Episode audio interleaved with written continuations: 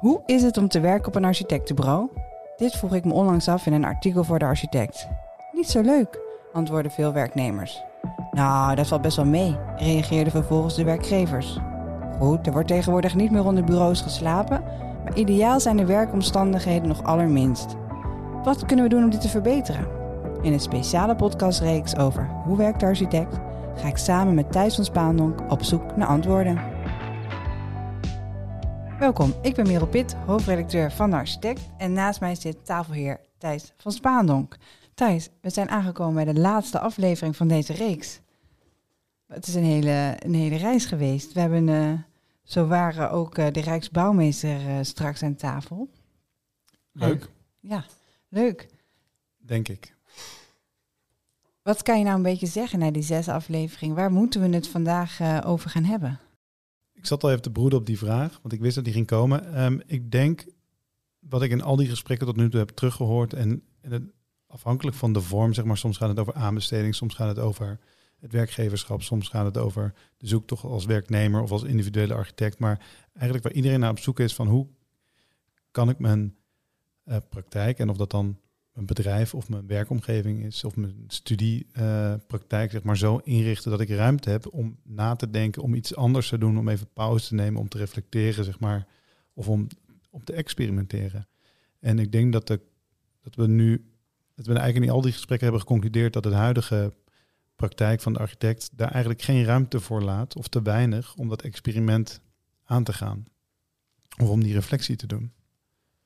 Dus dat is volgens mij iets wat ik. Uh, dat is wel wat ik meeneem tot nu toe. Dat staat op je agenda voor vandaag. Nou, ik ben heel benieuwd uh, hoe Francesco hierin staat. Hartelijk welkom. Fijn dat je er bent. Uh, we hebben je uitgenodigd vanwege je rol als Rijksbouwmeester. Maar ook omdat je in 2017 vakwerkarchitect hebt opgericht. Je hebt, aan, je hebt architectuur gestudeerd aan de Academie van Bouwkunst in Rotterdam, waar Thijs nu hoofdstedenbouw is. En in 1994 begon je te werken bij Meccano. En als ik het goed heb, heb je ook een vestiging in Engeland geprobeerd op te zetten? Ja, geprobeerd. Dat is wel gelukt overigens hoor. Ook voor uh, Meccano. Ja, ja. Dat, ik weet nog uh, dat je daar naartoe ging. Um, maar je bent uh, daar toch weggegaan en in 2017 besloot je um, medeoprichter te worden van vakwerkarchitecten.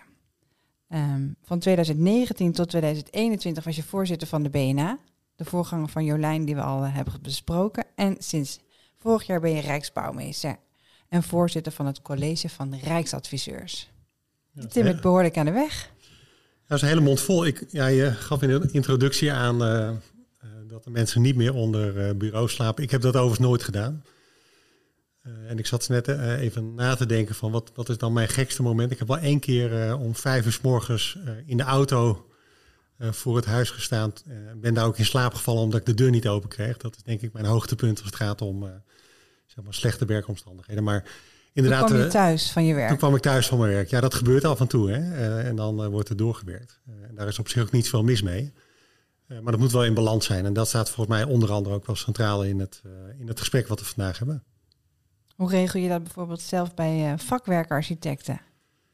Ja, ik ben inderdaad samen met uh, Elle van der Wal en Paul Ketelaars in 2017 het uh, bureau gestart. En, en met het idee dat wij uh, ja, een zo veilig mogelijke plek ook bieden aan de mensen waar we mee samenwerken. ik merkte ook dat ik heel erg moest wennen aan het idee van een werkgever en een werknemer. En dat bestaat ook echt. ook ondanks het feit dat ik wel een van de mede-eigenaren ook van Meccano was. En dat gold voor Ellen en Paul ook dus we dachten dat we het heel erg uh, goed wisten. En toch op het moment dat je dan ja, helemaal zelf daarvoor staat, uh, dan moet je het ook maar doen. Hè, dus met de beste bedoelingen en de beste intenties hebben we het bureau zo opgezet dat het voor iedereen een goede plek is om, om te werken. Dat we het werken concentreren in de periode van maandag tot en met donderdag. Hè, waarbij de vrijdag ja, ruimte is voor mensen om zichzelf te ontwikkelen. ook wel een dag waarop als er echt iets af moet eh, dat we dan samenkomen. Wij zijn dus het eh, bureau gestart en het idee om een veilige omgeving te maken voor iedereen. Hè? Dus voor alle medewerkers, uh, waarbij de gedachte was, nou, we worden misschien wel eens 30 uh, mensen groot als bureau. Nou, dat is veel sneller gekomen dan we dachten. En nu zijn we heel druk bezig om dat aantal ook niet verder te laten groeien. Eigenlijk lukt dat heel erg goed. ehm, vanuit het idee dat het belangrijk is om iedereen te kunnen blijven zien in het bureau. Uh, te kunnen snappen wat iedereen ook nodig heeft. Het zijn dertig totaal verschillende mensen die allemaal natuurlijk met elkaar uh, gemeen hebben dat ze met architectuur bezig zijn. Um, uh, en goed ook architectuur maken, maar ook om te zorgen dat mensen van elkaar kunnen leren, dat ze van ons kunnen leren en dat wij ook van hen kunnen leren. Dus het werken aan een werkomgeving die, die het mogelijk maakt, uiteindelijk natuurlijk om hele goede architectuur te realiseren. En wat betekent dat nou concreet? Je zegt, ja, die vrijdag is facultatief wanneer het uitkomt. Hoe staat het dan in je contract? Nou, zo. Ja. En daar hebben we ook best veel gesprekken over, hè, want dat is niet voor iedereen duidelijk. Um, wat daar precies gebeurt. Hè. Wij hebben um, binnen ons bureau het principe van wat wij noemen koersdagen. We gaan één keer eh, per half jaar met het hele team op pad, drie dagen. Uh, dan doen we leuke dingen, dan gaan we architectuur bekijken, maar dan praten we echt ook over de inhoud van ons werk dus projecten, maar ook over de organisatie. er komt uh, veel feedback op terug, dat nemen we mee. Uh, niet alleen met z'n drieën, maar met een, met een groter team. Um, uh, daar vinden ook trainingen plaats. we hebben op de vrijdagen ook de momenten waarop mensen worden getraind. Of het nou een Revit-cursus is, of het is een presentatiecursus, of het is vaardigheden om te vergaderen, te onderhandelen. Hè. Alles wat je tegenkomt ook in architectenbureaus.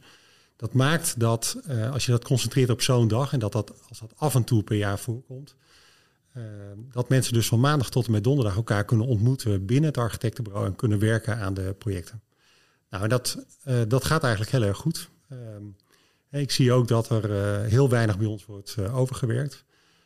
ik zie ook dat door, doordat we het toch hebben teruggebracht naar vier dagen, dat de druk op die vier dagen ook wel groot is. Hè? Dus mensen werken hard. Um, we hebben ervoor gekozen om naast een architectenbureau ook een café op te nemen, een koffiebar. Juist vanuit de gedachte dat een koffiebar ook staat voor ontmoeting. Hè. Dus dat mensen even uit hun werk um, overdag daar naartoe kunnen gaan met collega's, het uh, gesprek aangaan. Ja, we horen wel terug dat mensen dat ook lastig vinden om die tijd ook uh, te pakken. Hè, terwijl het zo belangrijk is om uh, even achter je bureau vandaan te lopen. En ja, misschien wel op een hele andere manier, ofwel over het werk of over je thuissituatie of wat dan ook het uh, gesprek te voeren. Ja, ik was even terugdenken. Volgens mij ben jij 2020, denk ik, voor corona. Ja, dus uh, nee, 2019, denk ik. De zomer van 2019, de jaaropening. heb jij de lezing gegeven voor de Academie van Bouwkunst. Eigenlijk uh, de jaaropeningslezing. Toen was je ook net gestart met, met vakwerk. Of ja, twee jaar daarvoor, denk ik. Maar toen heb je ook verteld vooral over hoe jullie die praktijk hebben, hebben ingericht. En een van de dingen die ik daarvan heb onthouden is... Het ging over het, wat voor soort mensen ja, neem je aan zeg maar, in je praktijk. En je zei toen volgens mij belangrijk om mensen aan te nemen die iets kunnen wat je zelf niet kunt. Lukt dat nog steeds, zeg maar? Wat heeft je dat opgeleverd? Nou, ik, ik, ja, ik denk dat dat lukt, want iedereen die kan iets anders. Hè? Ja. Uh, en, en op het moment dat je mensen gaat aannemen die precies hetzelfde kunnen als wat jij kunt, dan uh, kan je eigenlijk ook niet een, uh, een stap voorwaarts maken. Dus ik, ik, ik, zie dat echt binnen ons bureau. We hebben volgens mij best een divers bureau. In ieder geval als je kijkt naar man-vrouw of uh, nationaal, internationaal. maar ook de ervaringsjaren. Dus we proberen daar heel erg toch een mix in te vinden. We hebben een collega van 60 en we hebben een collega van, ik geloof, 19 hè, als, als stagiair en alles wat er tussenin zit. En ja, wat ik zie gebeuren is dat dat met elkaar echt wel mixt in de projecten. En vooral ook ja, proberen we in te zetten om dat tussen de projecten in met elkaar te verbinden. En ja, dus, dus, ja, er werken heel veel mensen binnen het bureau die echt veel meer ook andere dingen kunnen dan uh, die ik zelf kan. En uh, ja, ik word er wel heel erg gelukkig van. Want dat betekent dus dat ik dat niet hoef te doen en dat ik iets anders uh, kan toevoegen aan het team. Ik vind het best wel een beetje vaag nog. Wat is dat dan bijvoorbeeld? Kun je een voorbeeld geven? Bijvoorbeeld techniek. Hè? Dus ja, hoe je uiteindelijk heel precies een, een project verder uitwerkt. digitalisering. Ja, ik heb uh, niet meer de moeite genomen om helemaal te verdiepen in 3D-tekenen. Uh, Revit zoals we het nu kennen. Ik heb jarenlang ook nog destijds bij nog gehoord van ja, ik wil mee kunnen met dit of met dat. Hè. Um, allerlei nieuwe softwareprogramma's. met name de senioren die dat ook zeiden. Terwijl ik ook zag dat we als senioren niet meer in staat waren om daar überhaupt tijd aan te besteden. Omdat we gewoon bezig waren met het, het runnen van een bedrijf. Um, nou, dat is nu wel anders. Hè. Dus wij, dat is voor ons destijds ook een belangrijke keuze geweest om het bureau op te zetten. Uh, namelijk uh, meer aan de projecten werken, enerzijds. En anderzijds ook naast de architectuur, ja, ook in andere bedrijven ander werk doen. Omdat we zien dat dat een enorme rijkdom oplevert. En dat is eigenlijk best wel gelijk aan het idee dat je mensen binnen je organisatie wilt hebben die anders zijn. En, en dat je daarmee dus ook alle competenties samen kan brengen tot een, tot een heel succesvol team. En is daarmee jullie, jullie bedrijfsmodel of businessmodel, hoe je dat ook noemt, ook diverser geworden? Ben je dus dan, zijn jullie primair architectenbureau dat, dat architectuur maakt en zeg maar de uren verkoopt, even om het heel plat te slaan? Of is die koffiebar bijvoorbeeld onderdeel van jullie bedrijfsvoering? En, en, zijn er nog meer van dat soort dingen? Uh, nou, die koffiebar is onderdeel van het, ja, het klinkt ook misschien wel vaag, maar van het zijn van onze organisatie. Hè. Dus wij geloven er heel erg in dat architectuur maken, het werken zoals wij dat doen, ook gaat om het realiseren van een verbinding tussen ons en onze collega's, maar ook tussen ons en opdrachtgevers, tussen ons en de omgeving. En de verbinding staat daarin centraal. En een koffiebar is daarin een rijkelijk voorbeeld natuurlijk. Uh, die kan je niet altijd inzetten, maar wij merken wel dat dat heeft ook geleid tot andere bedrijven. dus een, een horecabedrijf, een verhuurbedrijf. We hebben nu een ontwikkelmaatschappij. We uh, hebben eh, net vorige week een bedrijf opgericht samen met CPZ. Om een project te kunnen gaan doen. dus wij zoeken eigenlijk overal de verbinding met anderen, ook met andere bedrijven. Om ja, de impact die wij willen realiseren, om die verder te vergroten. Zonder dat wij zelf ook als organisatie verder groter worden.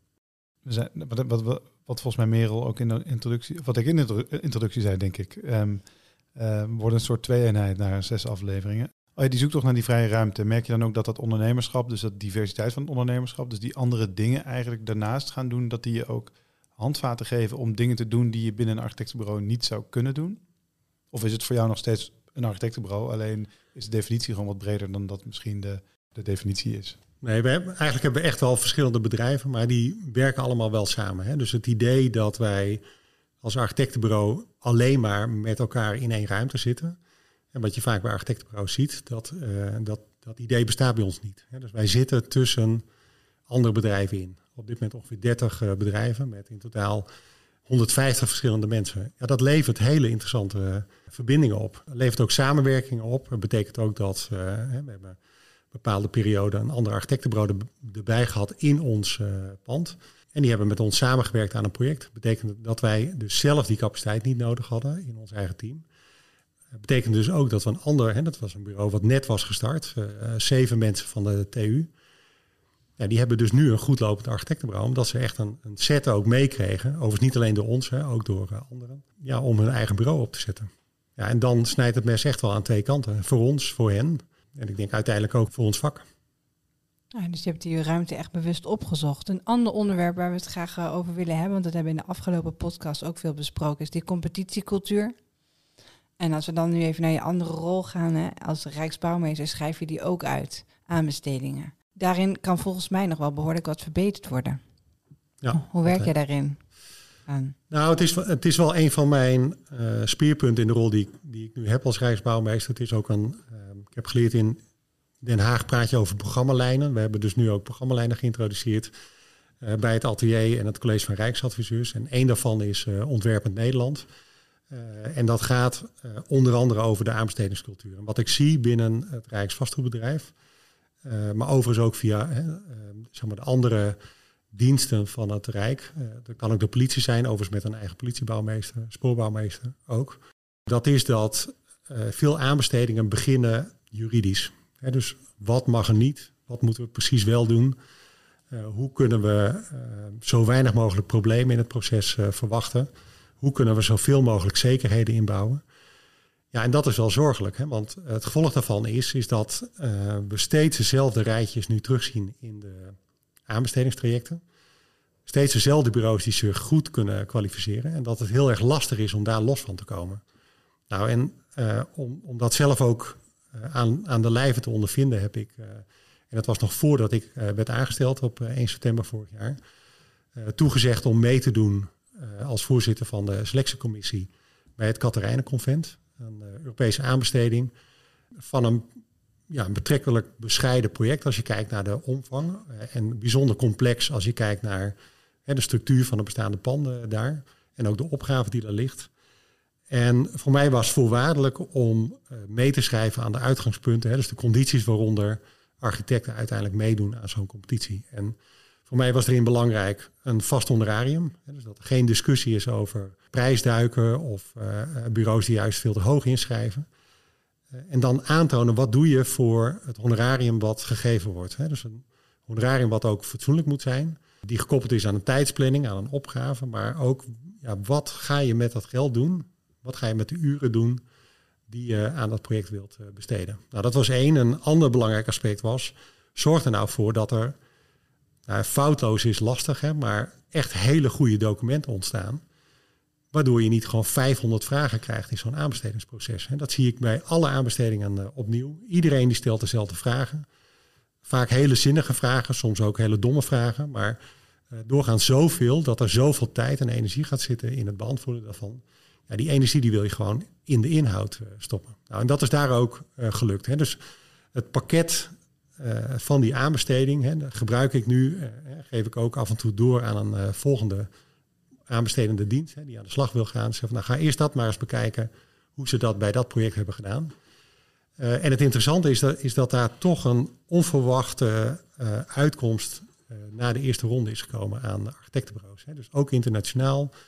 bureaus die doorgaans die je dus niet ziet op de lijstjes van Europese aanbestedingen. En eh, daarnaast ook een heel goed participatieproces met, eh, met de buurt. Iets wat heel belangrijk was voor Katerijnen Convent zelf. Dus voor mij is dat echt wel een voorbeeld van hoe je ook op een goede manier een aanbesteding kan doen en daarmee dus ook een competitie.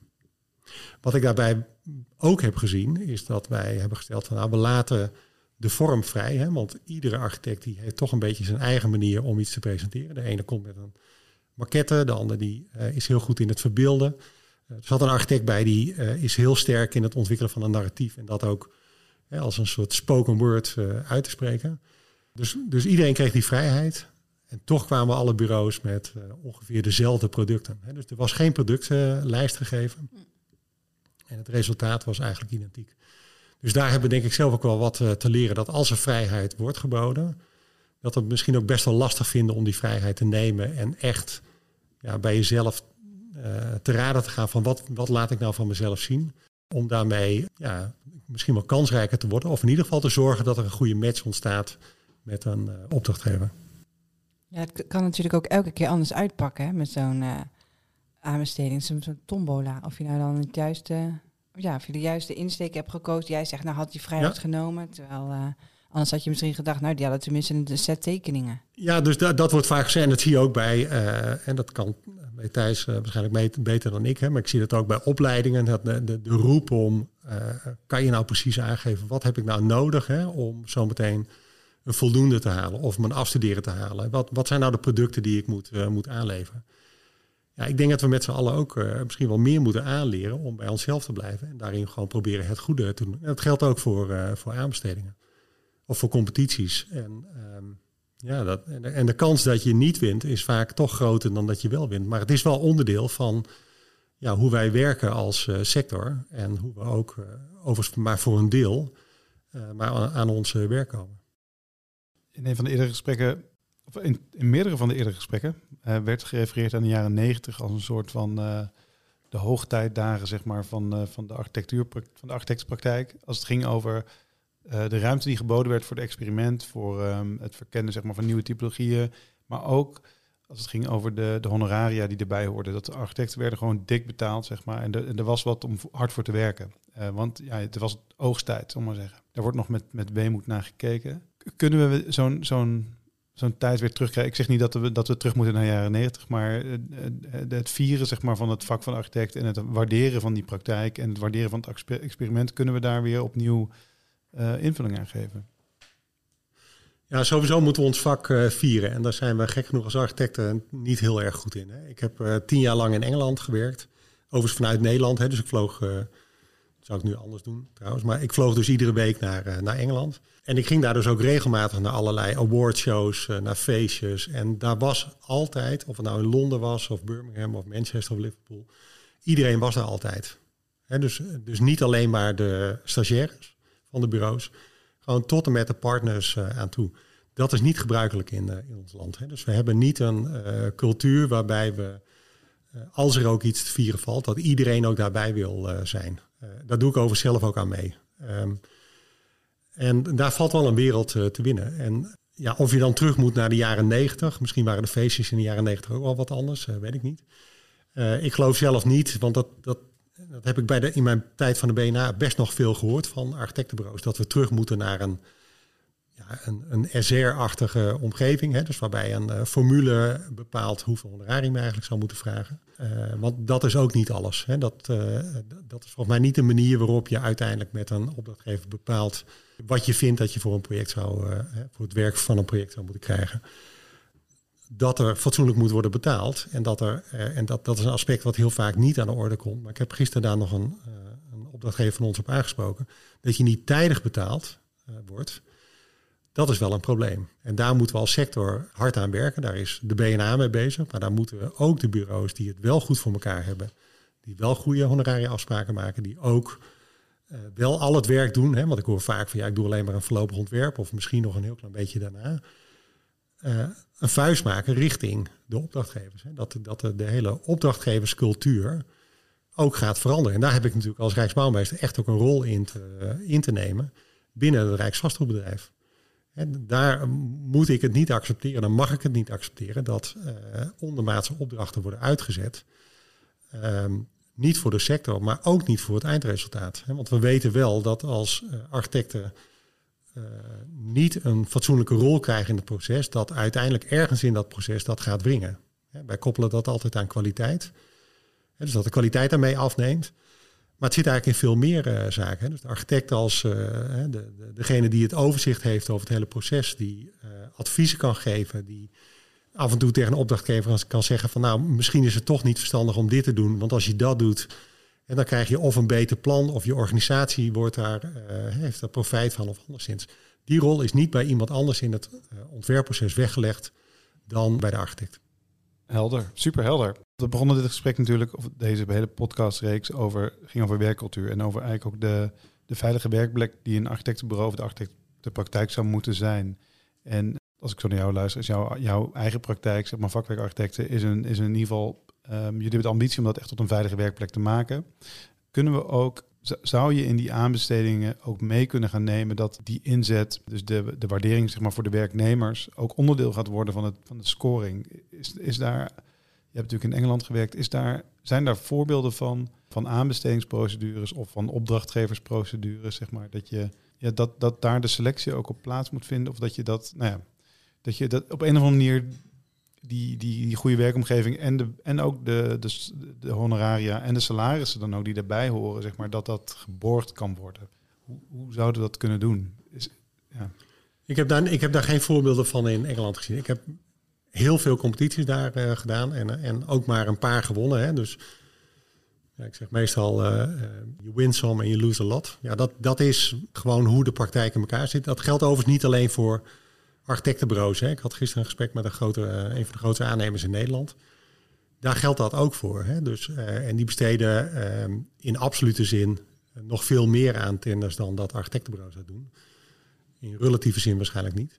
in Engeland zijn ze wel heel goed in allerlei regels bedenken die een bijdrage leveren aan het verbeteren van de samenleving, sociaal-maatschappelijke ehm, regels die ze opwerpen. En ja, ik heb niet gezien dat die nou heel erg werken of dat die toetsbaar zijn. En dus uh, op het moment dat je een, uh, een eis gaat stellen dat, dat je aantoonbaar moet kunnen maken dat je personeel heel erg uh, gelukkig is.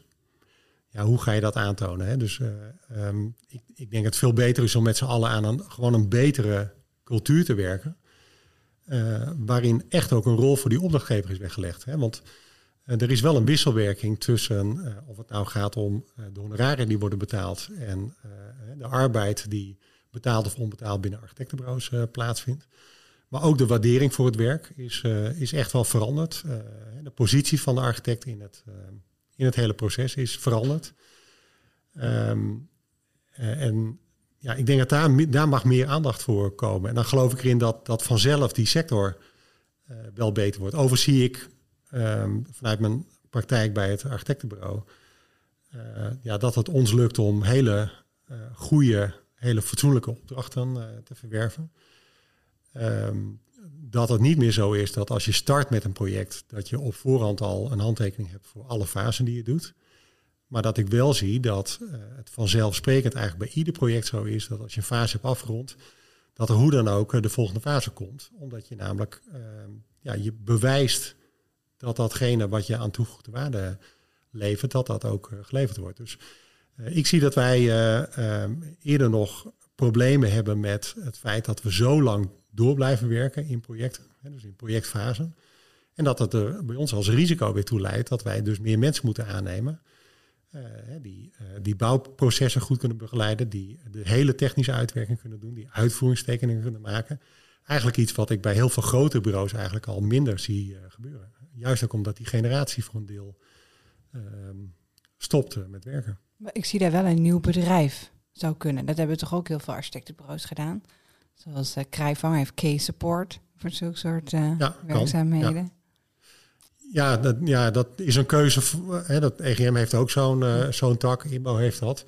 Ja, dat, dat, dat is een keuze als, uh, als bedrijf om, om dat zo te doen. Ook om het mogelijk te maken om met andere bureaus samen te werken. Uh, wij werken ook met andere bureaus samen, maar niet vanuit een, een, een ander bedrijf waarin we ander type diensten verlenen. Wij werken samen omdat we denken dat dat een meerwaarde is voor een opdrachtgever. En ook omdat we dan misschien wel grotere projecten samen kunnen gaan doen. En nou, ik noemde net het voorbeeld met CPZ. Hè. Wij werken nu aan een heel groot ziekenhuis met eh, CPZ. Eh, wij hebben daar ervaring in. Ellen bij ons is degene die veel zorgprojecten doet met een team. Ja, die ervaring die deelt zij nu met CPZ. Maar CPZ deelt nu ook ervaring met ons over hoe zij ja, grotere projecten aanpakken. En eigenlijk ontstaat er een hele mooie wisselwerking. En ja, ik zou wensen dat dat meer gebeurt. Hè. Dus ook dat grotere bureaus. Nou, we hadden je. Uh, ik heb een staartje meegemaakt van het gesprek met Jeroen van Schoten. Ja, je zou willen dat zo'n bureau kleinere bureaus op sleeptouw neemt. En ook zorgt dat zij ervaring opbouwen. Dat ze zien hoe doe je nou een onderhandelingstraject met een uh, opdrachtgever. Leg al je, al je kaarten op tafel. En probeer met elkaar meerwaarde te creëren. En dat levert aan beide kanten natuurlijk heel veel op. En Jeroen riep ook op uh, tot een revolutie. Hoe sta jij daarin? Moet er echt uh, behoorlijk wat gebeuren nu? Wil die architectuur weer een goede plek krijgen in Nederland? Of zeg je nou, valt allemaal wel mee? Nou ja, ik ben, ik ben niet iemand die nou een revolutie gaat uh, afkondigen. Nee, in tegendeel. Nee, dus ik, ik, ik geloof er heel erg in dat we uh, zelf heel veel kunnen. Dat, dat we het zelf ook moeten, moeten doen. Maar wat ik ook al eerder aangaf, de bureaus die het op dit moment goed hebben en de bureaus die echt ook een vuist kunnen maken naar buiten, naar opdrachtgevers, uh, of het nou de Rijksoverheid is, of het zijn uh, grote bouwbedrijven, grote ontwikkelaars, die toch de neiging hebben om een architect een voorlopig ontwerp te laten maken en dan vervolgens gaat het naar grote uitwerkbureaus. Um, bureaus die een vuist kunnen maken, die moeten daartegen zeggen van dit is niet oké. Dus je, je moet als grote institutionele opdrachtgever moet je het lef tonen om, en dat kan beginnen met kleinere opdrachten, architectenbureaus de kans te geven om uh, onderdeel te worden van de beroepspraktijk, om daar hun uh, projecten te kunnen realiseren, om ervaring op te bouwen, omdat je daar namelijk later uh, profijt van hebt. Die jongere bureaus, die zijn de bureaus die in de toekomst al het werk moeten gaan doen. En dat, dat moet je als opdrachtgever dus ook heel goed realiseren en daar dus ook de kansen voor bieden. Dankjewel voor dit mooie gesprek. Thijs, we zitten ver over onze tijd heen, zag ik. En um, we hebben nog even wat te reflecteren op deze hele serie. Mijn vraag begon van hoe leuk is het om te werken bij een architectenbureau? Wat hebben we daar nou van geleerd? Ik, ja, ik heb een eigen bureau, maar ik denk dat, dat, dat het niet echt een doorsnee architectenbureau is. Dus ik weet ook niet of ik die vraag kan beantwoorden. Maar ik denk dat er nog heel veel plezier wordt. Als ik het, al deze gesprekken hoor, werkt men nog steeds met heel veel plezier in de sector, de meeste mensen. En, uh, maar er wordt wel openlijk getwijfeld of dat over een paar jaar nog steeds zo is. En of als mensen de kans krijgen niet voor een hoger salaris bij ergens anders gaan werken. Uh, of dat nou in de zorg is of bij een, uh, bij een ontwikkelaar of, op een, of bij een aannemer, waar toch nog steeds structureel veel meer betaald wordt. Ja, dat, die vraag is nog wel, die is nog niet helemaal beantwoord. Maar als we volgens mij met elkaar voor elkaar krijgen dat we die culturele waarden, maar ook die maatschappelijke waarden van, de, het, uh, van onze sector, zeg maar, van onze branche, van ons vak eigenlijk, van onze praktijk, als we die misschien beter weten te ja, verwoorden of verbeelden of te vieren, zoals Francesco net zei, dat, dat er dan een soort cultuur ontstaat en een waardering voor dat, voor dat vak en die toegevoegde waarde die we volgens mij wel degelijk hebben. Want daar ben ik niet zo bezorgd over dat we die toegevoegde waarde niet meer hebben. Het is alleen de waardering daarvoor. En met die waardering komt zeg maar dat honorarium. Met dat honorarium komen die salarissen en die werkomstandigheden. Zodat er volgens mij de vrije ruimte ontstaat om als, als, als praktijk zeg maar eh, ja, beter te worden, meer te leren, uh, ruimte te, uh, in te bouwen in je week om, om, om met elkaar zeg maar koffie te drinken en het over andere dingen te hebben, om na te denken over hey, hoe kunnen we al die kennis die we nu hebben opgedaan in dit project, die we niet in een ander project één op één kwijt kunnen, hoe kunnen we daar toch iets mee kunnen we daar een nieuwe onderneming over opstarten. Dat zijn ook voorbeelden die we langs hebben horen komen. Dus het gaat volgens mij met die waardering komt uh, zeg maar de vrije ruimte ook. En aan die waardering van ons vak, daar moeten we volgens mij met z'n allen aan werken. Ja, precies. Ik moet zelf ook nog heel erg denken aan het begin van de serie. ging heel, heel erg over passie. En over dat die uh, uiteindelijk uh, soms leidt tot obsessie of tot overwerk. Dus hoe houden we gewoon um, die passie erin en die liefde voor het vak zonder die negatieve kanten die het ook heeft. En daarbij is goed werkgeverschap ook denk ik heel erg belangrijk om dat goed in banen te leiden. Um, ja, en ook een stuk ondernemerschap dus. En, en, tegelijkertijd zie je bij dat ondernemerschap dat die inhoud ook nog zo belangrijk is. Juist ook, denk ik, die inhoud eh, om onze toegevoegde waarde duidelijk te maken. Dat we ons niet ver, verzanden in Excel, zoals heel erg uh, nu gebeurt, maar dat we dus die inhoud kunnen die uh, toegevoegde waarde meegeven. Dus ja, ik heb wel het idee dat er toch wel een soort van cultuurverandering nodig is op verschillende niveaus. En het begint waarschijnlijk bij die waardering en bij die opdrachtgever. En dan zijpelt het zo dat het uiteindelijk door um, naar het hele bureau. Maar zo werkt het misschien niet. Ik denk, misschien moet het andersom. Moet het gewoon wel vanuit de vloer beginnen. Zoals Amal dat deed. Even terug naar de allereerste um, podcast die we hebben opgenomen. Zij nam gewoon... Uh, ja, toch wel behoorlijk veel lef mee om hier te gaan zitten als werknemer, om te vertellen hoe het voor haar hier is. En zij als uh, lid van uh, de personeelsvereniging probeert zij op die manier haar bijdrage te leveren. En ik denk dus dat we niet alleen maar moeten kijken naar die anderen die het beter moeten gaan doen, maar ook wat we zelf kunnen gaan doen. Want daar kan het zaadje geplant worden en hopelijk leidt dat uiteindelijk tot een hele grote sneeuwbal die iedereen meeneemt. Precies. Ja. Nou, ik vond het heel erg waardevol, dit uh, gesprek. Dankjewel ook Francesco voor je komst. Graag gedaan. Ja, dankjewel. Dankjewel Thijs. Gaan we nog een uh, vervolgserie maken? Wie weet. Wie weet. 2023. 2023, denk ik ook. Dankjewel voor je komst. Graag gedaan. Dank voor de uitnodiging.